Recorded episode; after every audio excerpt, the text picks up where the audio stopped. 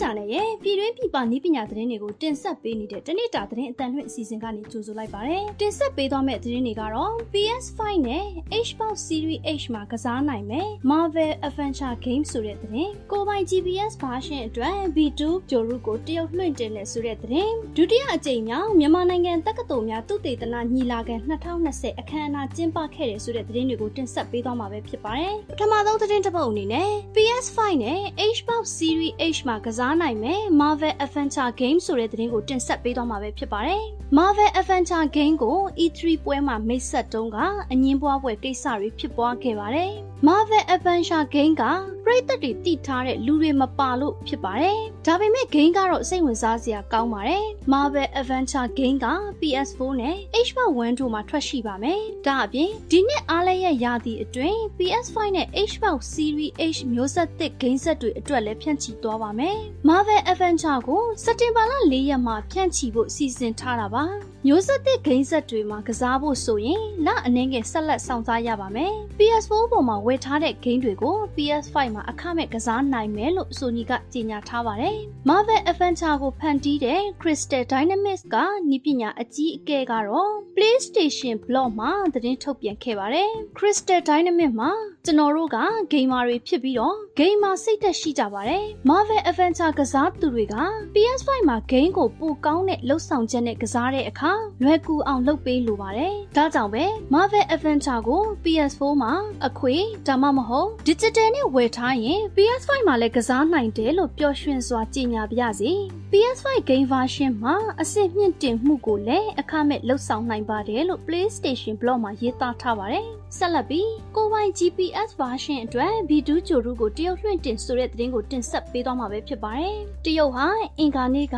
V2 လမ်းကြောင်းပြစနစ်နောက်ဆုံးဂျိုရုကိုအောင်မြင်စွာလွှင့်တင်ခဲ့ပါတယ်။ American အစိုးရပိုင်ဆိုင်တဲ့ GPS ကိုဘေကျင်းကရှင်ပြိုင်သွားပြီးတော့ American နီးပညာအပေါ်အားထားမှုကိုလျှော့ချသွားမှာပါ။တရုတ်နိုင်ငံရဲ့အနောက်တောင်ဘက်စီချွမ်စီရင်စုအတွင်းကရှီချမ်ဂျိုရုလွှင့်တင်ရေးစင်တာကဂျိုရုကိုဒေတာတွင်အချိန်10နာရီမတိုင်ခင်လွှင့်တင်ခဲ့ပါတယ်။ဂျိုရုလွှင့်တင်မှုကိုဓာတ်ရိုက်ထုတ်လွှင့်ခဲ့ပြီးတော့မိနစ်20အတွင်းအောင်မြင်စွာလွှင့်တင်နိုင်ခဲ့ပါတယ်။တရုတ်ဟာကိုပိုင်ဂျိုရုလမ်းပြကွန်ရက်ကိုလောက်ကင်နေတာဆယ်စုနှစ်နှစ်ခုရှိပါပြီ။ဘေကျင်းက1990ခုနှစ်တွေလောက်မှာမန်ဒရင်းလိုဂျပန်ငှက်ကြီးလို့အတိတ်ပဲရတဲ့ဗီဒူးကိုစတင်ဖန်တီးခဲ့ပါတယ်။တရုတ်စစ်တပ်ကအမေရိကန်လေတပ်သုံး GPS ကိုခြေရာဖြောင်းနိုင်ဖို့ပါ။ American ပိုင် GPS ရုရှားရဲ့ GLONASS ဥရောပသမဂ္ဂရဲ့ Gladio နဲ့အိန္ဒိယ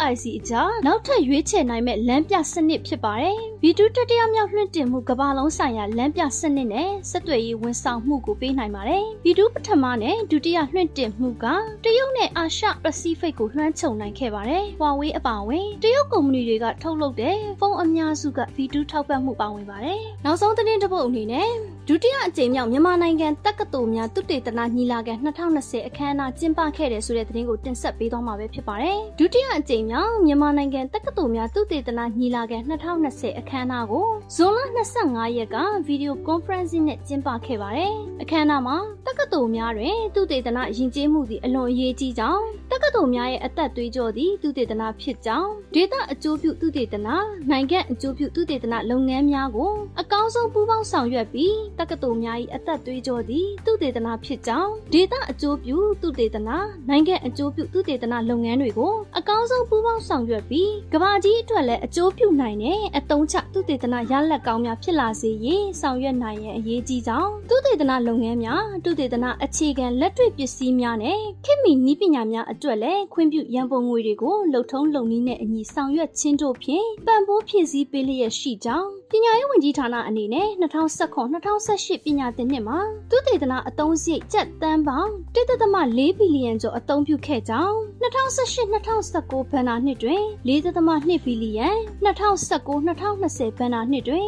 9.8ဘီလီယံအထိတိုးမြင့်သုံးစွဲ၍သုတေသနလုပ်ငန်းတွေကိုအားပေးဆောင်ရွက်နေကြောင်း သုတေသနလုပ်ငန်းများဆောင်ရွက်ပြီးအရေးသွေးရှိသောသုတေသနရလဒ်ကောင်းများကိုအခြေခံ၍သုတေသနစာတမ်းများဖတ်ကြားဆွေးနွေးခြင်းပြည်တွင်းပြည်ပသုတေသနဂျာနယ်များတွင်သုတေသနစာတမ်းများရေးသားခြင်းတို့ကိုအားပေးလျက်ရှိကြောင်းပညာရေးဝန်ကြီးဌာနပြည်ထောင်စုဝန်ကြီးဒေါက်တာမျိုးသိန်းကြီးကပြောပါတယ်။စာတမ်းဖတ်ပွဲအတွက်တက္ကသိုလ်အသီးသီးရှိသုတေတီဆရာဆရာမများကစာတမ်းပေါင်း134ဆောင်ပိုစတာ16ခုပါဝင်ရှင်ပြိုင်ခဲ့ကြပါတယ်။အခမ်းအနားသို့ဒုတိယဝန်ကြီးဦးဝင်းမော်ထွန်းအမျိုးသားပညာရေးမူဝါဒကော်မရှင်ဥက္ကဋ္ဌနဲ့အဖွဲ့ဝင်များပမောက္ခချုပ်များကော်မတီဥက္ကဋ္ဌအဖွဲ့ဝင်နဲ့တာဝန်ရှိသူများဟောပြောပို့ချတဲ့ပြည်တွင်းပြည်ပဆရာကြီးများ ပညာရေးဝန်ကြီးဌာနရှိဦးစီးဌာနများမှညွှန်ကြားရေးမှူးချုပ်များတက္ကသိုလ်အသီးသီးမှပမောက္ခချုပ်များဆရာဆရာမများသူတေတီများသက်ဆိုင်ရာတာဝန်ရှိသူများနဲ့စာတန်းရှင်များစုစုပေါင်း3400ဦးခန့်ဗီဒီယိုကွန်ဖရင့်စင်းဖြင့်ချိတ်ဆက်တက်ရောက်ခဲ့ကြပါတယ်။အခုတင်ဆက်ပေးသွားတဲ့သတင်းတွေကတော့နိုင်ငံတကာနဲ့ပြည်တွင်းမှာရရှိထားတဲ့နည်းပညာသတင်းတွေကိုအင်တာနက်ဂျာနယ်ကနေတင်ဆက်လိုက်တာပဲဖြစ်ပါတယ်။အခုလို COVID-19 ဖြစ်နေတဲ့ကာလမှာပြည်သက်တွေအနေနဲ့လည်း